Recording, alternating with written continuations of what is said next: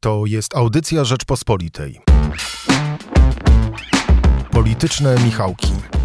Zapraszają Michał Szułdrzyński i Michał Kolanko. W piątek 30 czerwca zapraszam Państwa na Polityczne Michałki, w których podsumujemy kończący się wiosenny sezon polityczny. Już trwa lato, już zaczynają się wakacje. Warto więc zobaczyć, kto wygrał polityczny czerwiec, kto wchodzi w wakacje z nierozwiązanymi problemami, z rozbebeszonym swoim bagażem, e, który narastał przez ostatnie miesiące, nie mając pomysłu, co z tym zrobić. A wreszcie zadamy pytanie, kto najbardziej w tej chwili jest w stanie zyskać nowych e, wyborców e, do nowego elektoratu się uśmiechnąć i coś w ten sposób ugrać. Zapraszam na polityczne Michałki. Thank you. Ale w politycznych Michałkach mm, ostatnich przed przerwą wakacyjną spróbujmy sobie e, podsumować ten ostatni etap kampanii, z którym mieliśmy do czynienia. Wakacje w pewnym sensie resetują naszą politykę. Polacy żyją czymś e, innym, już nie jeżdżą codziennie do pracy e, albo nie zawożą dzieci do szkoły, nie stoją w korku, nie słuchają porannych audycji radiowych, których i tak większość na wakacje została została zawieszona. Więc przyjrzyjmy się temu, jak wygląda ta e, sytuacja e, przed tą ostateczną no, rozgrywką, która się odbędzie po wakacjach. E, zacząłbym od pytania o kondycję obozu rządzącego z prostego powodu, a mianowicie chyba to, co wyborcy zapamiętają, wyjeżdżając na wakacje, to kuriozalne zdjęcie dwóch premierów na szczycie stołu w sali posiedzeń Rady Ministrów. Wiem, że to mem, ale takie memy mają dosyć dużą moc kształtowania wyobrażeń o tym, jak wygląda polityka i ani dla Mateusza Morawieckiego, ani dla Jarosława Kaczyńskiego to zdjęcie korzystne nie było. O co tu chodzi? Rzeczywiście to zdjęcie nie było korzystne. Zresztą prezes Kaczyński y, później w jakimś sensie musiał się tłumaczyć, czy był pytany o to e, w trakcie jednej z konferencji prasowych. Szczerze mówiąc, e, wydaje się, że być może tutaj pasuje takie stwierdzenie, że, e, że nadgorliwość, takie powiedzenie, że nadgorliwość jest czymś, może nie będę cytował w całości, no ale jest takie powiedzenie o nadgorliwości, że jest czymś złym, tak? Jest gorsza od najgorszych rzeczy. Jest gorsza od najgorszych rzeczy i czasami tak jest, że w polityce również, że jest jakiś pomysł, y, który, pomysł, został wcielony w życie, czyli żeby prezes Kaczyński wrócił do rządu, co mówiliśmy w ubiegłym tygodniu, żeby zresetować sytuację w jakimś sensie politycznym, no i trzeba było go jakoś opakować. No i był ten pomysł tego podwójnego y, siedzenia na podwó- w, tym, w, tym, w ten sposób, no i nie poszło najlepiej moim zdaniem. Tak jak tobą się absolutnie zgodzę, że że dosyć to dziwacznie wyglądało i nie, nie wiem w ogóle... Y, Ale zobacz, że PiS właściwie przez drugi tydzień musi się tłumaczyć z tej absurdalnej sytuacji, którą sam zrobił, bo najpierw doszło do powrotu Jarosława Kaczyńskiego do rządu, dymisji czterech y, był poprzednich wicepremierów. Jarosław Kaczyński został tym premierem i też żeśmy w zeszłym tygodniu dyskutowali o tym, że to była właściwie całkowicie ruch pozbawiony politycznej treści. Chodziło tylko wyłącznie, żeby robić coś, żeby się coś działo. Mm, I jakby tego było mało, do tego zostało odrzucone jeszcze to, to dziwaczne usadzenie w sali posiedzeń Rady Ministrów i PiS znowu musi się tłumaczyć. I zamiast, żeby jego ruch e, doprowadził do no właśnie do tego, żeby te, te, te ich pomysły zaczęły działać, rezonować, to tak naprawdę cały czas się muszą tłumaczyć z tego, że sami, no to, to zdjęcie przecież nie zostało zrobione przez wrogów, to zdjęcie zwróciła kancelaria premiera y, na swoje serwisy społecznościowe. Dokładnie tak, no trochę, trochę mam takie poczucie déjà vu, z, może, się, może to dziwne porównanie, ale pamiętasz w kampanii prezydenckiej w 2020 roku była taka historia z ostrym cieniem mgły, tak, czyli prezydent Duda no, śpiewał, tak? I ten ostry cień mgły został już z nim na zawsze. I też to nie było tak, że to jakiś wróg to wszystko zaaranżowało, tylko sam, samo otoczenie prezydenta, to zresztą była kwestia później sporna, kto na to wpadł i dlaczego. Trochę mam takie samo poczucie, że to zdjęcie na pewno zostanie. No tylko, że ostry cień mgły nie przeszkodził Andrzejowi Dudzie wygrać wyborów prezydenckich. Natomiast tutaj mamy do czynienia z innymi wyborami, których po prostu wyborcy PiSu mogą być zdezorientowani, o co w tym wszystkim chodzi. Bo mi to przypomina inną sytuację. Rozmawiałem w, w tym tygodniu z jednym z, ze specjalistów od e, opinii społecznej. Zwrócił uwagę na coś takiego, że PiS stracił zdolności utrzymywania czy kontrolowania własnej narracji. Że PiS zgłasza jakieś pomysły, no niby 800, no wydawało się, że to przebadane, że to powinno się działać. Ile to działało? Jeden, dwa dni? Po trzech dniach tak naprawdę pałeczkę przejął Donald Tusk. PiS się musiał tłumaczyć, czemu nie chce 500, że jest 800 plus od razu.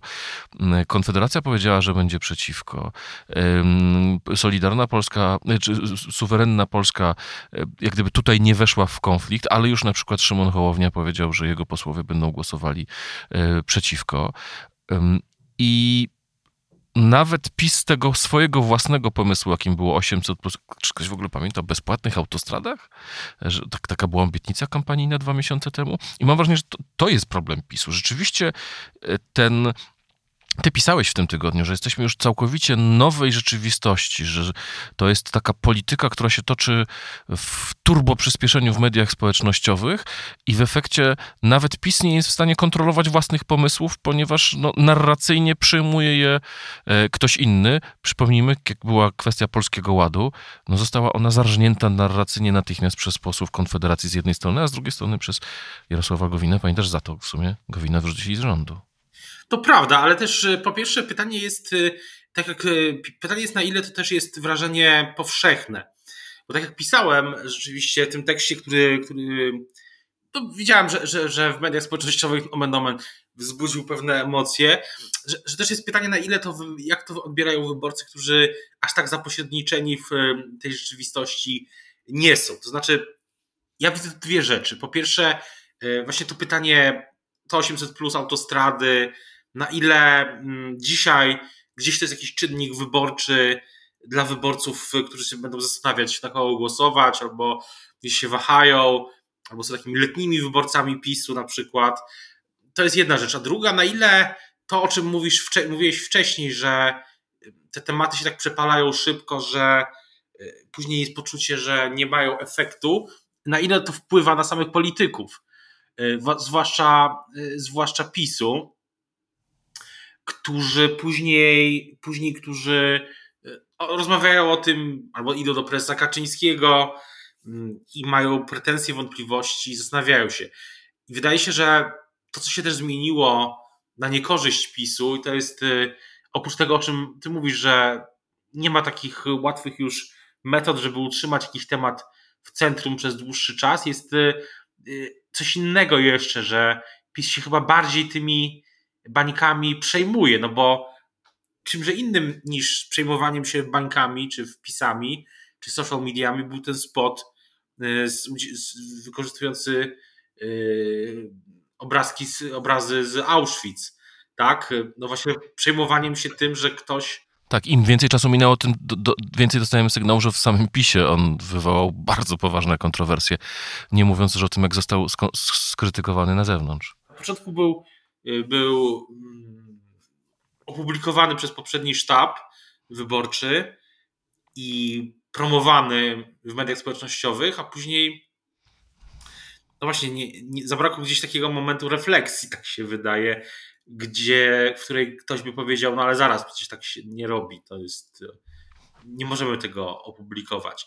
To też, to wszystko się złożyło na ten, na tą zmianę, ten restart, reset jakbyśmy to nazwali, jakbyśmy chcieli nazwać, to nazwiemy, ze, o którym też pisaliśmy, że była zmiana szefa sztabu, zmiana e, w rządzie, czyli premier e, prezes Kaczyński wraca do rządu, no i gdzieś w tle jest ta zmiana, która jest mniej widoczna, chociaż ostatnio była bardziej widoczna, ale taka bardziej kierunkowa, no, że z, od sojuszników koalicjantów PiSu słychać, że no jest taka jakby decyzja o o tym, żeby, no, że, że będzie wspólna lista y, PiSu i sojuszników. Te trzy rzeczy miały się złożyć na taki restart, ale tak skoro rozmawiamy o takim bilansie, to ja na dzisiaj nie mam takiego.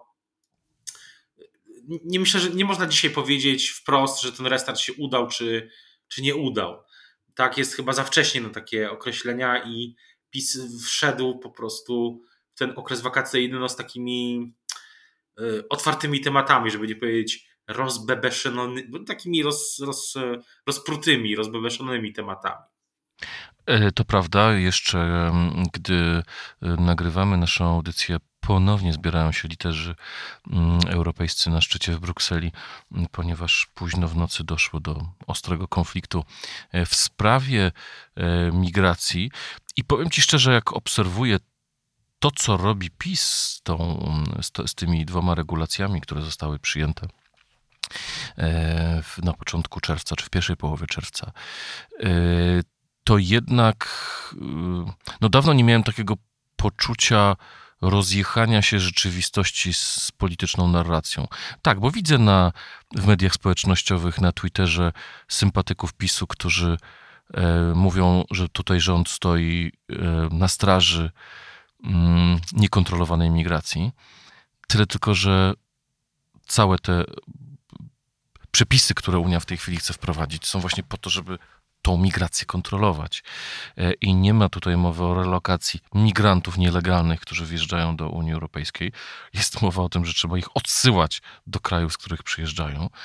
Jest mowa o tworzeniu na przykład w Tunezji e, punktów recepcyjnych, e, a zatem w państwach trzecich, a nie w Unii Europejskiej, po to, żeby tą migrację zatrzymywać przed granicą, nielegalną migrację zatrzymywać. No ale też jest pewna grupa, to jest kilka e, procent z tych wszystkich, którzy przyjeżdżają, którzy mają status uchodźców, których Unia chce lub może z powodów humanitarnych, politycznych czy zdrowotnych przyjąć.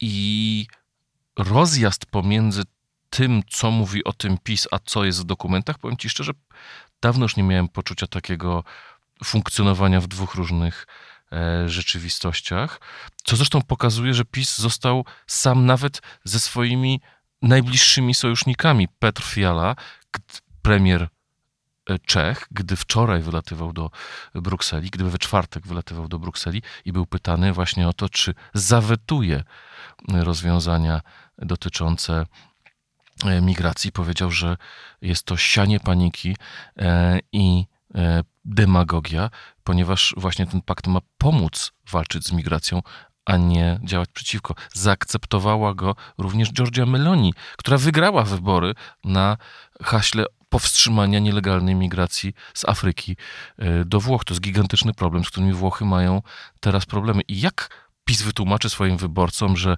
Meloni, która uchodziła za no, takiego najbardziej twardego antyimigranckiego polityka, popiera dokument, a PiS się mu przeciwstawia i znów wczoraj okazało się, że istnieje jedyny sojusz, czyli Morawiecki z Orbanem przeciwko 25 pozostałym krajom Unii Europejskiej.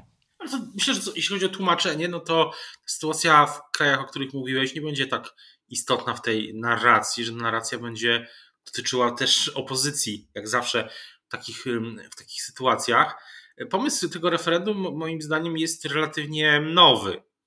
To znaczy, w, tej, w tym wielkim, e, wielkim planie kampanii wyborczej, mówię to lekko ironicznie oczywiście, w planie, w planie kampanii wyborczej, który był gdzieś tam rysowany przecież w styczniu czy w ubiegłym roku jeszcze, nie było referendum. Tak? Ono pojawiło się niedawno, jako taka próba mniej lub bardziej desperacka mimo wszystko, albo po prostu mniej lub bardziej udana, to zobaczymy 15 października, przejęcia inicjatywy, tak? Jest, jest takie poczucie, mam dzisiaj wrażenie, że PiS, tak jak mówiłem, nie, zamk nie zamknął żadnego ważnego tematu dla siebie, pootwierał nowe, jak to referendum.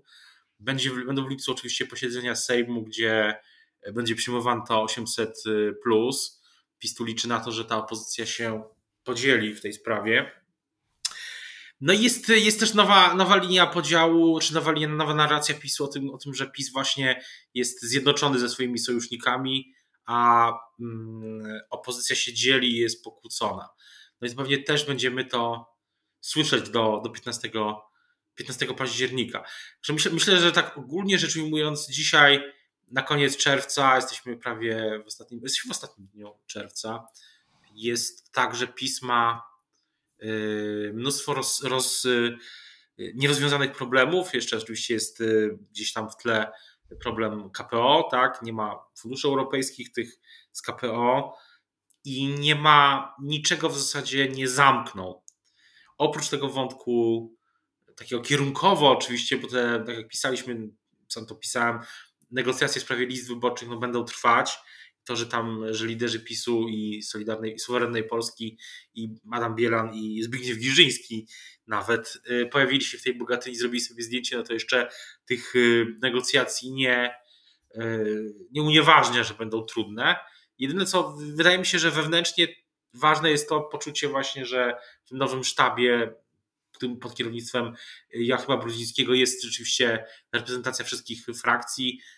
Są, jest, tam jest tam e, oddelegowany na przykład Patryk, jest tam Patryk Jaki z Suwerennej Polski, jest Adam Bielan i tak dalej. I to jest myślę jedna z niewielu rzeczy, która dzisiaj pod koniec czerwca jest na plus politycznie dla samego PiSu.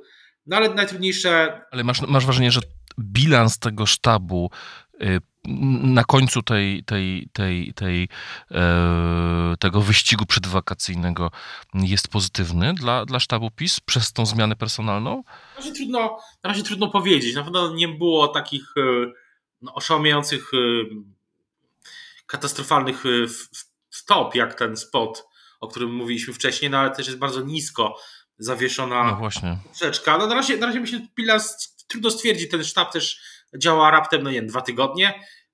Trudno, trudno powiedzieć, jak to wygląda. Na pewno można w jakimś sensie powiedzieć, że ta decyzja o tym, żeby nie robić konwencji w ubiegłą sobotę była o tyle trafna, że te wszystkie konwencje były przykryte przez wydarzenia zewnętrzne, więc tu akurat e, ten pomysł na ten wiec Bogatyni był po prostu oszczędzał, oszczędzał Prawo i Sprawiedliwości pieniądze, które byłyby przerzucone na tą konwencję w Łodzi. Myślę, że wiele też zależy od tego, na ile pisma rzeczywiście dobrze przemyślane koncepcje programowe, no bo jednak cały czas to jest ten sam paradygmat, o którym wielokrotnie już pisaliśmy, pewnej oferty, tak? Nie tylko o narracji, tej o suwerenności, czy o y, migracji, czy jeszcze, czy oczywiście o opozycji, czy o Tusku, no to jest jasne. Y, nie tylko to jest paradygmat tej narracji, ale też pewnej oferty. No i też jest pytanie, na ile mm, ta oferta we wrześniu się utrzyma, tak? Na ile ona będzie czymś innym niż tylko podniesieniem jakiegoś świadczenia. Właśnie, a powiedz mi, e, czy Twoim zdaniem e, Prawo i Sprawiedliwość ma jeszcze jakieś asy w rękawie? Czy są jakieś jeszcze rzeczy, które jest w stanie e, użyć? Bo mam wrażenie, że coraz powszechniejsza jest opinia, że jedyne co rządzący są w tej chwili po 8 latach w stanie zrobić, to raczej minimalizować straty i odpływy elektoratu, a nie przyciągać nowych wyborców. To jest dobre pytanie, ale też zwróćmy uwagę na jedno, że to jest nowa sytuacja o tyle, nie tylko o tyle tej komunikacji, tego, tych kanałów e, dojścia do wyborców, jak to nazwałem, tych, tego opakowania kampanijnego, czyli tego, że te tematy w mediach społecznościowych tak szybko się przepalają. To jest nowa sytuacja też pod tym względem, że tak się można, można stwierdzić. Wydaje się, że dzisiaj PiS nie jest w takiej sytuacji jak Platforma w 2015 roku. Pomijam oczywiście to, że wtedy były wcześniej wybory prezydenckie, które Platformę mm, już ostatecznie ten taki ogólny trend y, Platformy wtedy ostatecznie zatopiły, tak? Ale w tym samym momencie w 2015 roku no, opozycja obecna nie jest na miejscu PiSu, ale też PiS nie jest na miejscu yy, siebie z 2015 roku, czyli nie widać ani żeby nie widać, żeby parł do nie widać, żeby opozycja parła do jednoznacznie było przekonanie, że przejmie władzę, tak samo jak ekipa rządząca też nie, nie ma takiego jednoznacznego przekonania, że że, że tą władzę utraci. Takie było przekonanie w, w wakacje 2015 roku. Dzisiaj mam wrażenie, że po prostu jesteśmy w zupełnie nowej sytuacji, w której na progu tej mm, kampanii wyborczej, ona formalnie się oczywiście jeszcze nie zaczęła, zacznie się, gdy prezydent ogłosi termin wyborów. Ani też to nie jest tak, że PiS y, y, czy opozycja mogą być czegokolwiek pewni. Tutaj cały czas są zagadki. To jest w jakimś sensie nowa sytuacja, no bo to też nie jest y, druga kampania PiSu, tylko trzecia. A powiedz mi, bo rozmawialiśmy przez moment o kwestii migracji. Czy Twoim zdaniem kwestia referendum i tych nagłych zwrotów przed unijnym szczytem, czy to jest, to są ruchy adresowane do wyborców Konfederacji, czy to jest próba e, zepchnięcia do narożnika na przykład Platformy Obywatelskiej, bo w sprawie tego paktu migracyjnego Platforma nie ma jednoznacznego stanowiska. Nie mówi, to jest świetne, musicie to poprzeć tylko raczej dzieli włos na czworo. E, natomiast jeżeli byłby to ruch przeciwko Konfederacji, to mam wrażenie, że PiS chyba nie zrozumiał powodu popularności Konfederacji. Konfederacja nie rośnie dlatego, że mm, ludziom się coraz bardziej podoba jej antyimigrancka retoryka, tylko Konfederacja rośnie dlatego, że mówi pewne rzeczy, które ludzie już zapomnieli, że są ważne, takie jak wolność, brak ingerencji państwa, wolność osobista, swoboda dysponowania swoim majątkiem i nawet jeżeli to jest w dosyć takiej, e, powiedziałbym, przesadzonej, libertariańskiej formie, to jednak to odpowiada na pewne sentymenty elektoratów, które są właśnie no, z różnych miejsc. E, no i jak pokazują badania, no, e, Konfederacja rośnie kosztem wszystkich. To jedyna partia, która jest w stanie podebrać i PiSowi, i Platformie Obywatelskiej, i Szymonowi Hołowni, i PSL-owi. Ja wydaje mi się, że jeszcze jest jeden element. Zanim odpowiem to, zanim, zanim wprost na to odpowiem, to generalnie wydaje mi się, że, że jeszcze jest jeden element takiego zmęczenia ogólnego obecną polityką. Że wiele osób moim zdaniem wybiera Konfederację dlatego, że jest zmęczonych i PiSem, i Platformą, i Tuskiem, i Kaczyńskim. I widzi w Konfederacji coś nowego.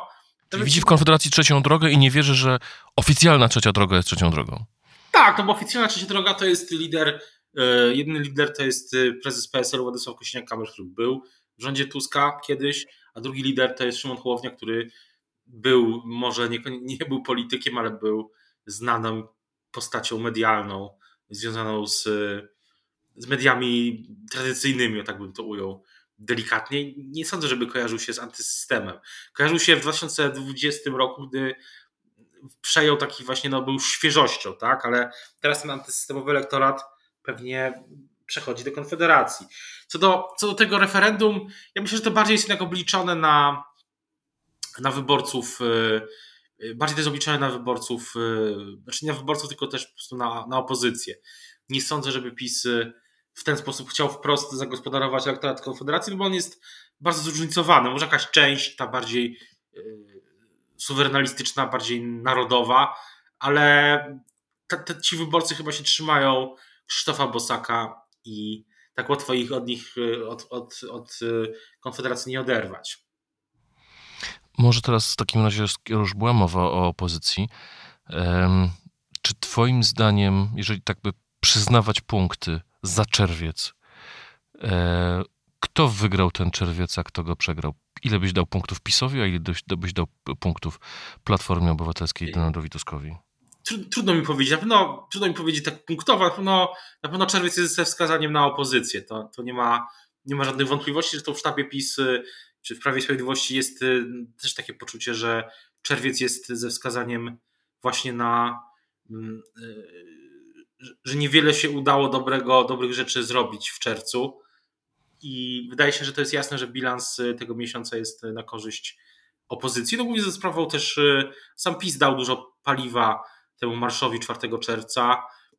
Platforma to zgrabnie wykorzystała, przekształcając to w taką szerszą opowieść. Tak jest Polska w sercach są te serduszka, jest to opakowane bardzo dobrze, myślę, chociaż też są oczywiście mm, pytania, tak, o samą Konfederację, są pytania o e, pozycję trzeciej drogi, e, są pytania o ogólnie kondycję całej opozycji, ale ten marsz na pewno był ważnym punktem i myślę, że z, z, z punktu widzenia e, na pewno z punktu widzenia samej platformy, no to jest podniósł też nastroje, jest po raz pierwszy taki, po raz pierwszy od dłuższego czasu, powiedzmy może w tym roku, jest taki powiew dużego optymizmu, że po tej zimie, wiośnie, po tej końcu z historii z węglem, tak, kto dzisiaj o tym pamięta w ogóle, jest, jest ta sytuacja, w której jest większa, większy,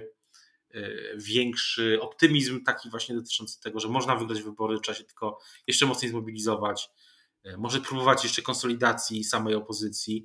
Na pewno to, co się opozycji nie udało, to dogadać paktu senackiego. To oczywiście dzisiaj może być jakaś tam poboczna historia, no ale jednak, że na koniec czerwca pakt senacki nie jest dogadany. Były takie wstępne zapowiedzi, że to będzie, yy, będzie taka sprawa, która się do końca czerwca zamknie. Nie zamknęła się.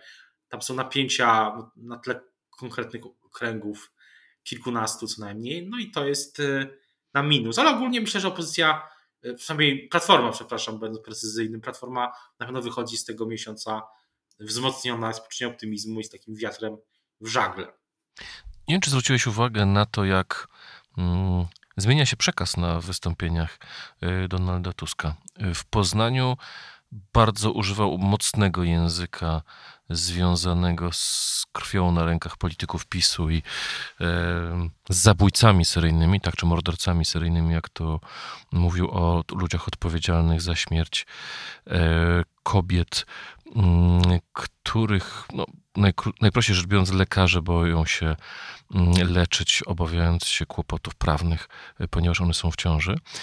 E, ale potem, mam wrażenie, zaczął zmieniać swoją retorykę i dobrym chyba tego przykładem było to, jak mówił na ostatnim wiecu we Wrocławiu, bo mam wrażenie, że tam już pobrzmiewało sporo retoryki e, bliskiej wyborcom Konfederacji. Mówił o tym, że Mamy prawo pracować, e, cieszyć się z uczciwej pracy, z przedsiębiorczości, e, z tego, co robimy, a nie, żeby ktoś przychodził w domyśle władza i nam to wszystko rozkradała, e, że mamy prawo być dumni, a właśnie z powodów patriotycznych trzeba odsunąć tę władzę.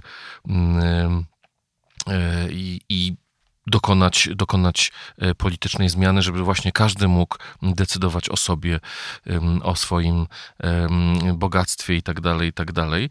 Jak ty patrzysz na, te, na, te, e, na, te, na ten rozwój dynamiki e, Tuska? Bo to trochę wygląda tak, jakby zobaczył, że w polaryzowaniu osiągnął już pewien, e, pewien pułap, znaczy już bardziej się nie da spolaryzować mm, i zaczął właśnie walczyć już nie tyle co z samym PiSem, co taką przygotowywać ofertę no, dla tych wyborców w cudzysłowie liberalnych, którzy się poczuli przez samego Tuska zresztą osamotnieni, gdy zaproponował babciowe, usiłował przelicytować PiS 800+, a teraz jak gdyby mówi zupełnie innym językiem. Tak, próbuję mówić innym językiem, ale sam, sam zwróciłeś uwagę, y, część, wydaje się, sytuacji dzisiaj opozycji, no, która musi mierzyć się z tym pytaniem, kogo poprze Konfederacja, i że Konfederacja dzisiaj ma mocno dwucyfrowe wyniki, jest to, że też y, Konfederacja zyskuje na braku takiej jednoznacznej liberalnej oferty, bo tak jak rozmawialiśmy wielokrotnie, to nie jest tak, że elektorat Konfederacji jest monolitem. Żaden, żadnej partii nie jest. To są segmenty. No i wydaje się, że jest tam dosyć istotny segment, nie tyle wyborców, którzy są tak strasznie antysystemowi i chcą, żeby wszystko spłonęło, tylko y, w polityce oczywiście, tylko wyborców, którzy rozczarowani tym, że Platforma oferuje 800, y, oferuje babciowe i inne rzeczy, no, idą do tych, którzy oferują taką dosyć prostą, proste rozwiązanie, tak? Wszędzie, że wszędzie zwycięży wolny rynek, niskie podatki, proste, proste podatki i tak dalej. część tych wyborców e, pewnie zdaje sobie sprawę, czy może nawet większość e, tych wielkomiejskich, to są, zakładam, to są wielkomiejscy wyborcy, e, którzy wcześniej głosowali na Platformę, no zdaje sobie sprawę z tego prawdopodobnie, no, jakie ma poglądy i Krzysztof Bosak, i Sławomir Mencen i czyta te wszystkie teksty dotyczące Konfederacji, no ale mimo to y, wybiera właśnie Konfederację ze względu na kwestię podatkową, braku alternatywy, więc y, inna grupa, wydaje się, jest właśnie grupą antysystemową, tak? Już te rdzeniowe elektoraty Ruchu Narodowego, czy ten ultralibertariański elektorat Nowej Nadziei, czy nie wspominając już o elektoracie Grzegorza Brauna, ale jest taka grupa oczywiście antysystemowa, tak, która rzeczywiście chce wszystko wywrócić. Mm, jest taka grupa, która idzie za głosem świeżości. Tak jak zawsze w wyborach jest ktoś, kto idzie za, kto jest tym głosem świeżości. Tak w 2015 był to Cookies, w jakimś sensie też nowoczesna. Był też Szymon Hołownia, wiele przykładów, Janusz Palikot. Więc to się wszystko składa na tą konfederację i na te 13. Rozumiem, że Mencen ma twoim zdaniem ten nimb świeżości, który mu daje tą premię w, w, w, różnych badaniach i, i nastrojach tak, społecznych. Jeśli, robimy taki bilans y, czerwca, czy bilans w ogóle tego półrocza, no to na pewno tak, że, że wątek Konfederacji jest i Tusk rzeczywiście adresuje ten, to przesłanie, o którym mówisz, kalibruje to przesłanie w ten sposób, o którym mówisz, ale jest pytanie, czy może być w ogóle w tym skuteczny. No bo jeśli adresuje swoje przesłanie do tych wolnorynkowych wyborców, no to może próbować. Jeśli adresuje swoje przesłanie do antysystemowych wyborców, to się trudno oczywiście w polityce mówić, że się nigdy nie uda, ale nie wyobrażam sobie, że ktoś, kto jest, chce, żeby wszystko wywrócić, głosuje na Tuska.